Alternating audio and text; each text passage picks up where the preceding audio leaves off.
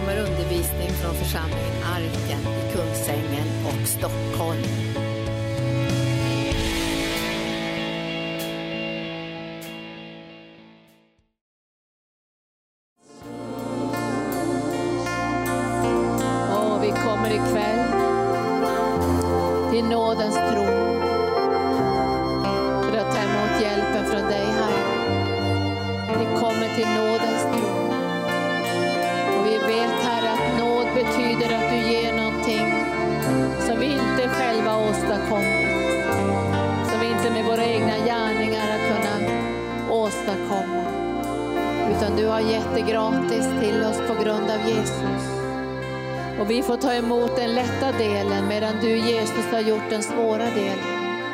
Där du gav ditt liv på Golgata kors. Och vi vill ära dig ikväll och säga att vi älskar dig Jesus. Vi älskar dig. Och vi ärar dig och du är dyrbar för oss. Du är dyrbar och vi ger dig vårt hjärtas kärlek den här kvällen. Kom heliga Ande.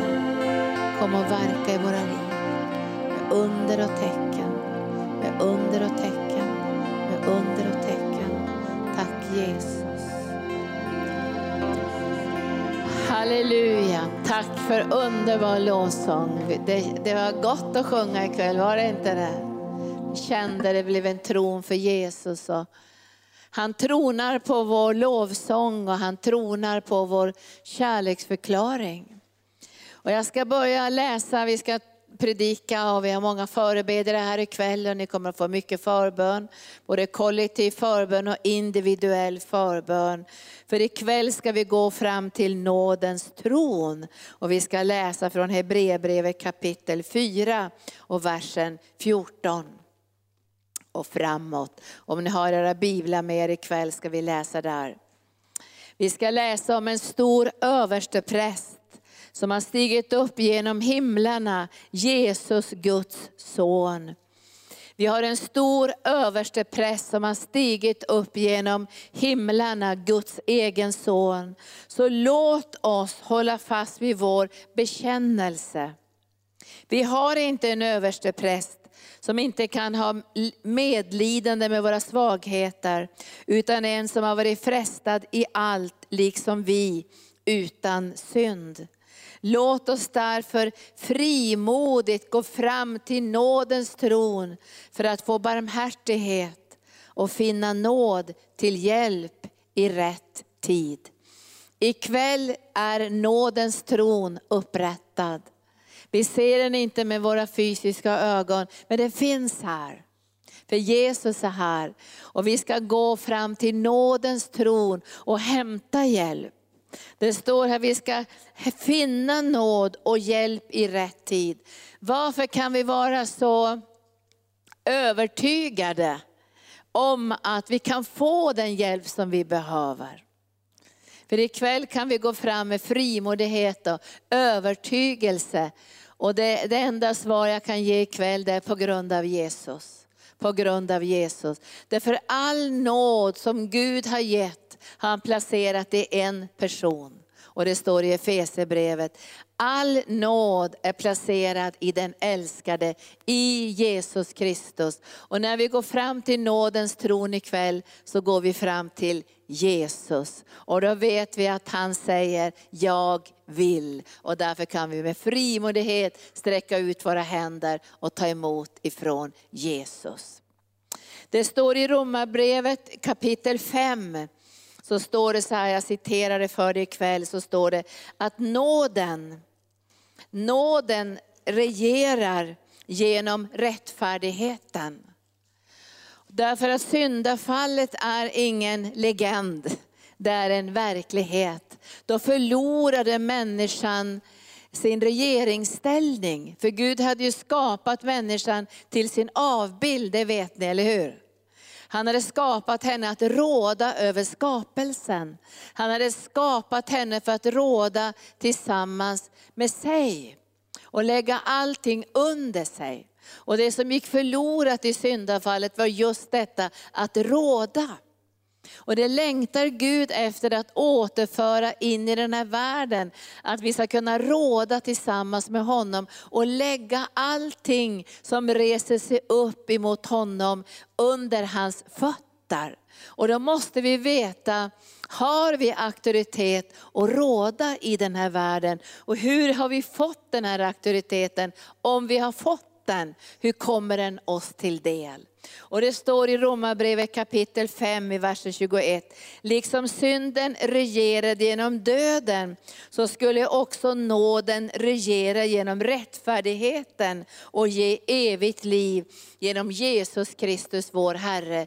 Så nåden kan inte regera utan rättfärdiggörelsen. Alltså nåden har sitt fäste i försoningen. Där har nåden sitt fäste. Och på grund av Jesus seger, han som har stigit upp genom himlarna och sitter nu på Faderns högra sida, så kan nåden regera genom rättfärdiggörelsen. Genom det verk som Jesus har gjort på Golgata kors kan nåden regera i våra liv. Och det betyder att allt som reser sig upp emot Jesus Kristus måste böja sina knän. Det betyder att varje sjukdom, varje svaghet, varje omständighet måste böja sig, inte på grund av att du och jag kan åstadkomma någonting, utan därför att han har åstadkommit redan allt genom Jesus Kristus. Och då ska nåden regera genom rättfärdiggörelsen. Genom Jesu fullbordade verk så kan nåden regera. Och det här är väl underbart att veta.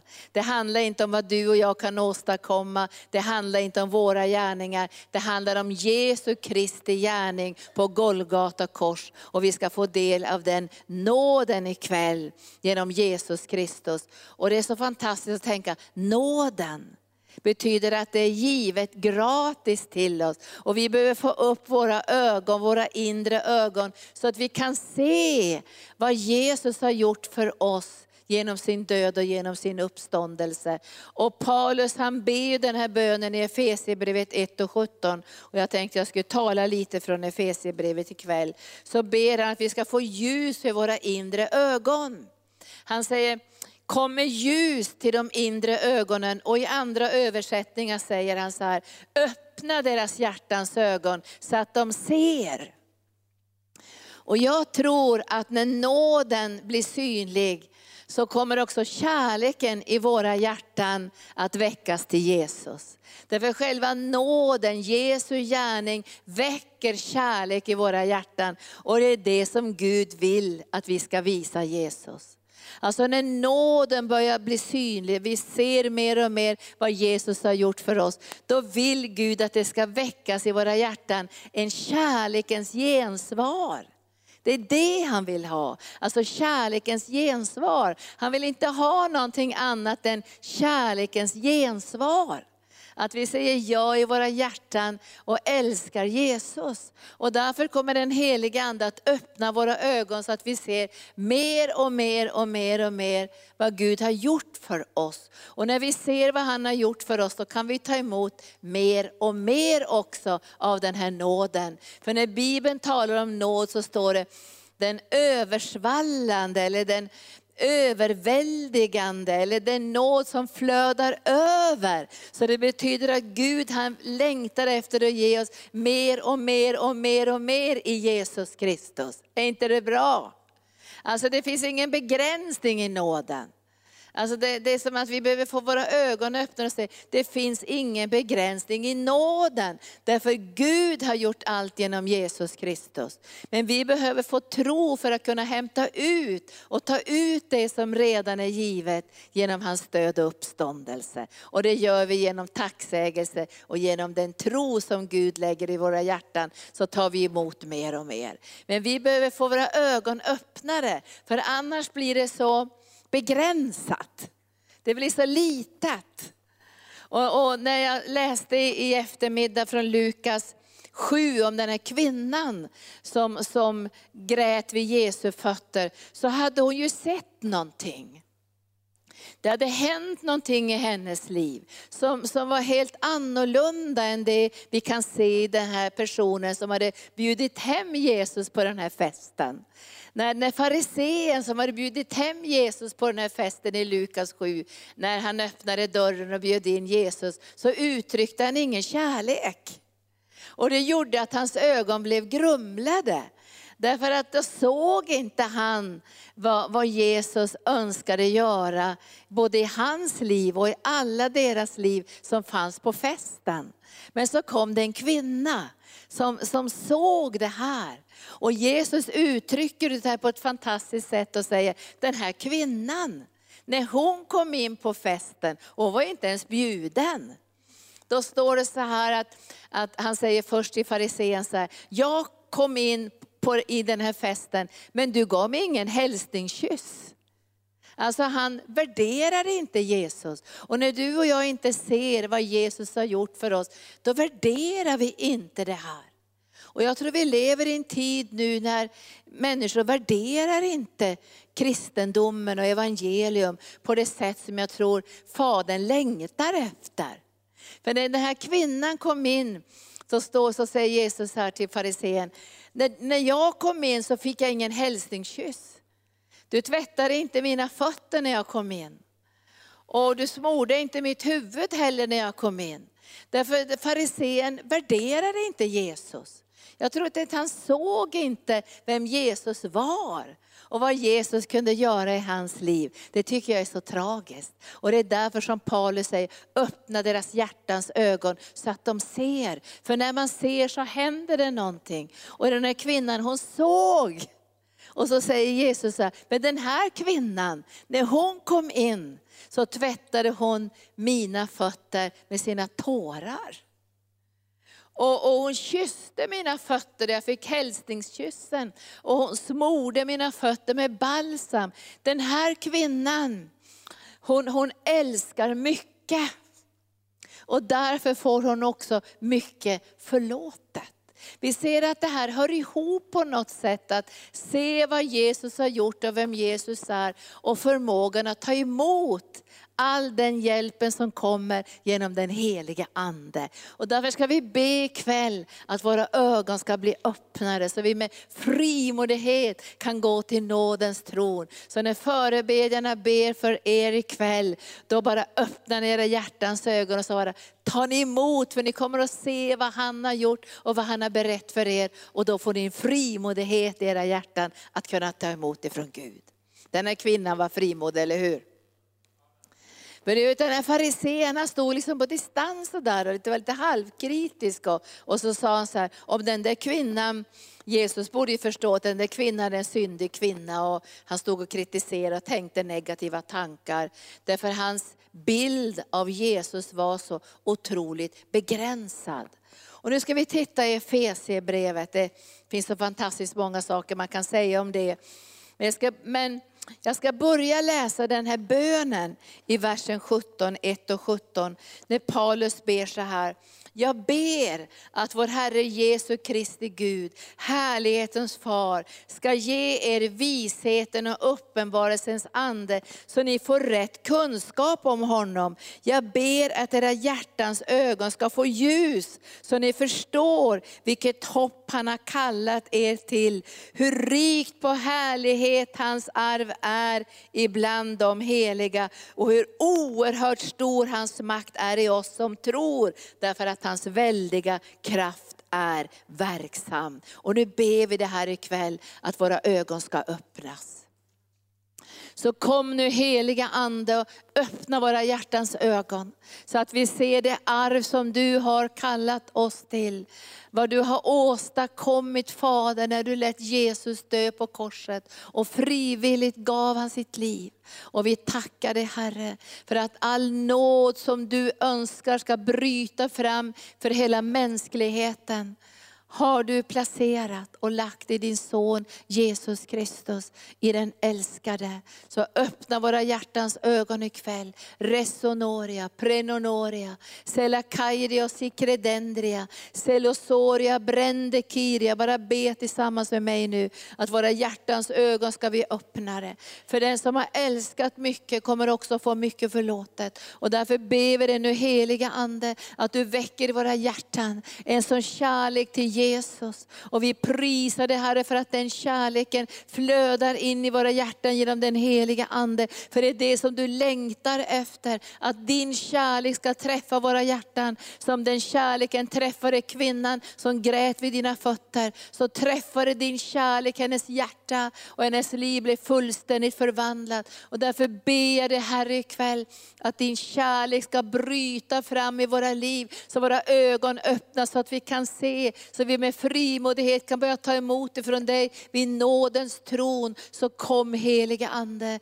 kom heliga Ande, resonoria, bara öppna våra hjärtans ögon. Öppna våra hjärtans ögon. Resonoria, prenosoria, ta bort allt som hindrar oss att se det här underbara verket som du har åstadkommit Jesus. Så vi med frimodighet ikväll kan ta emot din kärlek och läkedom för själen. För den här kvinnan fick läkedom för själen. Hon fick upprättelse. Alla sår som hon hade fått genom livet, alla synder som hade skadat henne, hennes egna synder och andra synder. Men vid dina fötter fick hon ta emot läkedom för sitt liv och för sin själ. Och jag tackar dig Herre för att du ikväll låter din kärlekssmörjelse bryta in i våra liv. Så sår och minnen och smärta ska kunna helas. Och vi tackar dig Herre för allt det som finns i nåden. Och den ska regera ikväll, inte på grund av att vi har åstadkommit någonting, utan det är du som har åstadkommit rättfärdighet och förklarat oss godkända och rättfärdiga.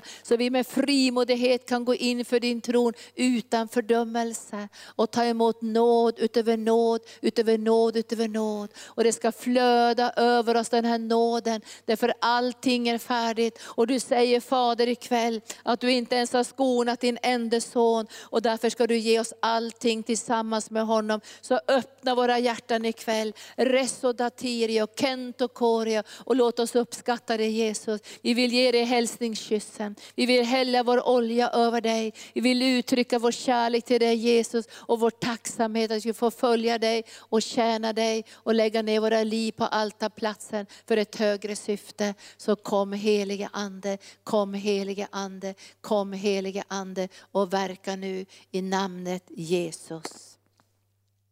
Nu ska jag bara lyfta fram åtta saker ikväll. Åtta saker. Det finns 28, 58, 108 saker. Men jag ska lyfta fram åtta saker.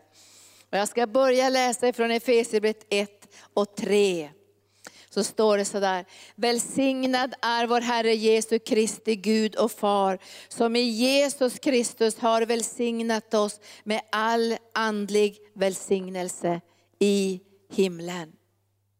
Han har välsignat oss med all andlig välsignelse i himlen. Och då tänker vi ikväll så här, ja, men om det är i himlen, då är det inte så, då, vad ska vi göra då? Men du vet att genom den heliga Ande kan vi hämta ut det som himlen har sagt ja till. Och vi har undervisat mycket den här veckan om bindellycken och lösenyckeln. Att det som är löst på jorden också är löst i himlen. Och det som är bundet på jorden är också bundet i himlen. Därför himlen samarbetar med jorden. Därför Gud har sagt sitt fulla ja i Jesus Kristus. Och därför är vi välsignade med all den himmelska världens andliga välsignelser i Jesus Kristus. Det är det första. Vi är redan välsignade på grund av Jesus. Så vi är redan välsignade. Vi behöver inte åstadkomma någon välsignelse. Vi behöver inte pressa fram någon välsignelse. Vi är redan välsignade. Får jag höra amen på det? Vi är redan välsignade. Det är väldigt skönt att veta att vi redan är välsignade. För vi har ofta sådana kamp att hur ska vi kunna bli välsignade och hur ska vi kunna åstadkomma välsignelse. I Jesus Kristus är vi redan välsignade. Gud har välsignat oss. Han är mäktig att kunna välsigna. Och sen står det, nu ska jag ta den första punkten här. Han har utvalt oss i Jesus före världens skapelse. Vi är utvalda. Jag läste om någon EU-parlamentariker här, äh, som skulle jobba i EU, parlamentariker som hade blivit petad. Och det, det är inte kul att bli petad, eller hur? Man var med på listan och sen blir man petad och så får man inte vara med längre. Jag vet inte hur det var för dig när du gick i skolan, om du blev utvald eller inte när det var gymnastik eller tävlingar eller någonting. Då känner man att vi blir utvald. Och jag kommer ihåg sådana här äh, klassfester när en del tjejer aldrig fick dansa. Och de fick alltid stå liksom och, och skämma sig i ett hörn och man sa det där var panelhönorna som inte blev utvalda. Men tänk att Gud har utvalt dig. Och det står så fantastiskt här att innan ens värld, innan före världens skapelse så utvalde Gud dig. Innan ens jorden blev till så fanns du till i hans hjärta och han utvalde dig. Skulle inte det förändra ditt och mitt liv att veta att vi är utvalda av Gud?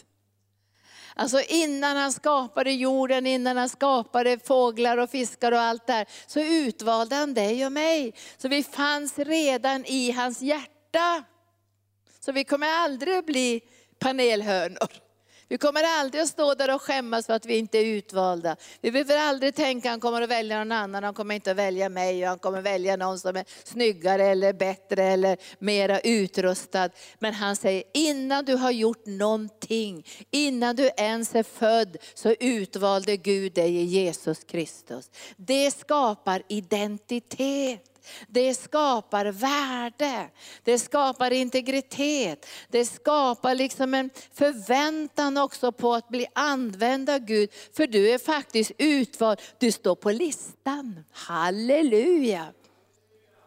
Du står på listan så du tittar, är jag utvald? Ja, jag är utvald. Till vad då? Först och främst till att älska Jesus. Det är det första som du och jag är utvalda till, att älska Jesus. Och sen är vi utvalda till att få samarbeta med Jesus i den här världen och göra hans gärningar. Vi är utvalda.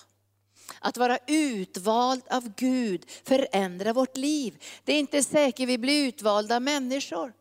Det är inte säkert att du blir utvald om man skulle välja någon till något politiskt eller välja någon till någon funktion eller någonting. Så det är inte säkert att du blir utvalda människor. Och då kanske du tänker sig, ja men jag är inte så värdefull, jag är inte utvalda människor. Men ditt värde ligger i att du är utvald av Gud. Där ligger ditt värde. Du är utvald av Gud i Jesus Kristus. Och sen säger Herren så här, inte bara det, utan du är också utvald att vara helig och fläckfri inför honom. Det här betyder egentligen rättfärdighet. Du får hans helighet, hans renhet. Det får du som en gåva, hans rena kläder. Så i Jesus Kristus så ser Gud på dig som fullkomlig. Det är väl underbart. Det betyder att du aldrig behöver ha dåligt samvete. Du behöver aldrig anklaga dig själv, du behöver aldrig se ner på dig själv. Därför när Gud ser på dig så ser han på dig som fullkomlig. Och när du ser på dig själv som fullkomlig så skapas en längtan i ditt hjärta att leva ett heligt liv. Det är så det går till. Det är det som är helgelse. När du börjar se på dig själv som fullkomlig, utvald, älskad, godkänd av Gud. När du börjar se dig själv på det sättet och får den identiteten i honom, då växer en längtan hos dig att leva ett rent liv. Det går inte att leva ett rent liv utan att se vem du är i Jesus Kristus. Alltså du är utvald av honom. Innan ens världen fanns till så fanns du till i hans hjärta. Det är väl identitet.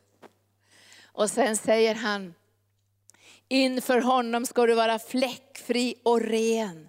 Och sen står det i, i versen 5, i sin kärlek har han förutbestämt oss till barnaskap genom Jesus Kristus efter sin goda viljas beslut. Förutom att vara utvald av Gud, rättfärdiggjord och älskad, så har du också ett barnaskap. Alltså du får vara ett barn hos Gud. Det betyder att Gud bryr sig om alla dina behov. Är inte det underbart att tänka? Jag kan inte tänka några spädbarn som ligger och oroar sig för framtiden. Eller tänker, kommer jag få någonstans att bo nu? Kommer jag få några kläder nu? Kommer det gå bra för mig? Kommer jag få börja skolan? Utan ett spädbarn, ett litet barn, litar helt på sina föräldrar. Det är det som Gud vill föra oss in i, barnaskap i Jesus Kristus. Där du och jag får vårt så att säga, djupaste beroende i kärleksrelationen. Det här blir skarpt läge, det här blir på riktigt.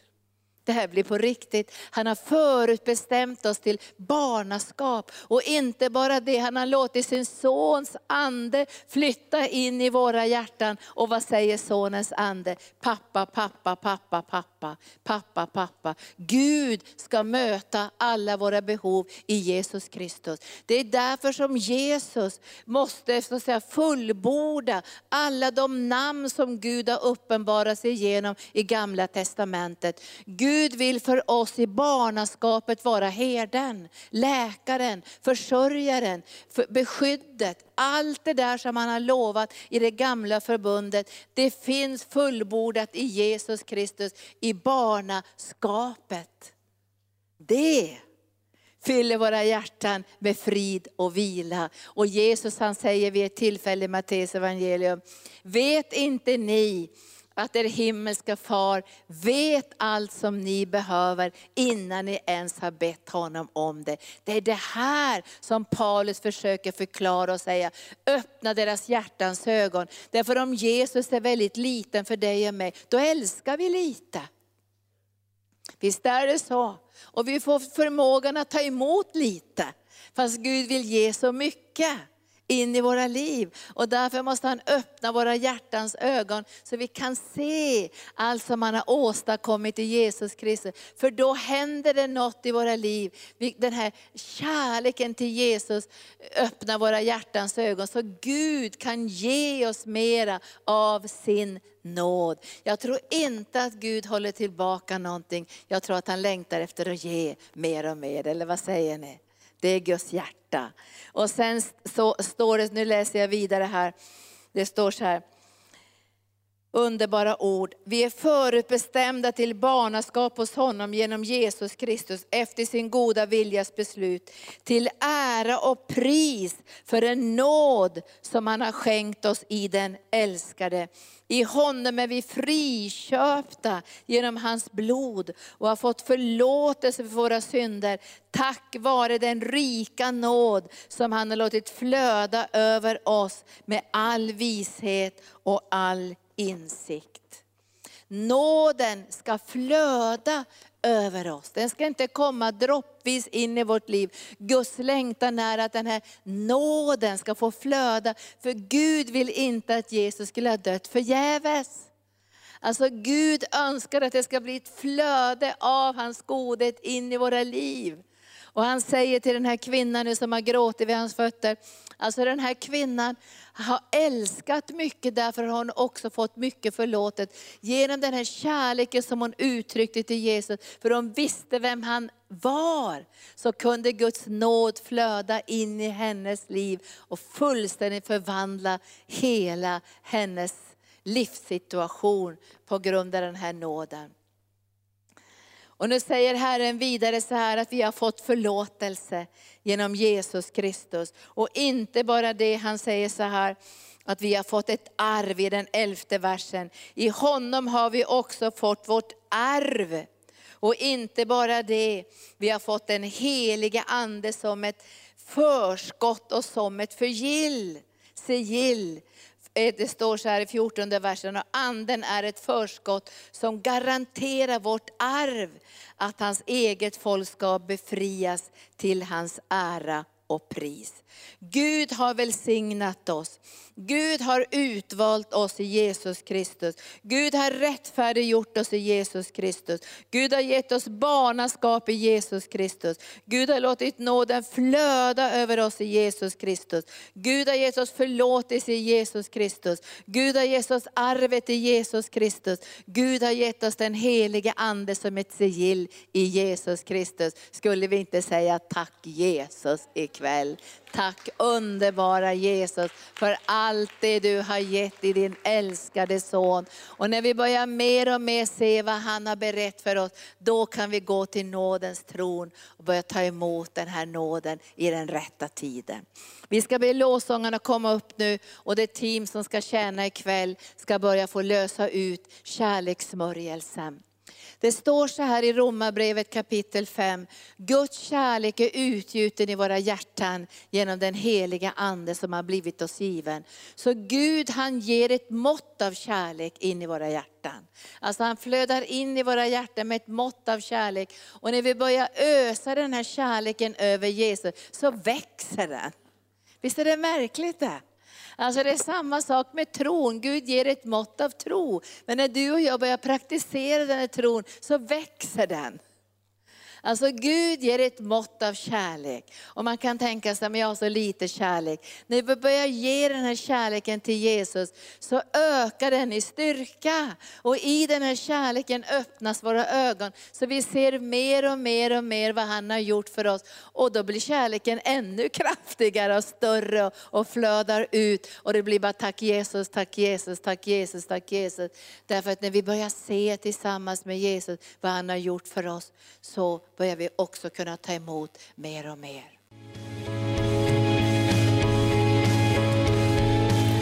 Tack för att du har lyssnat. Vill du få del av mer information om församlingen Arken, vår helande tjänst, bibelskola och övriga arbete, gå in på www.arken.org.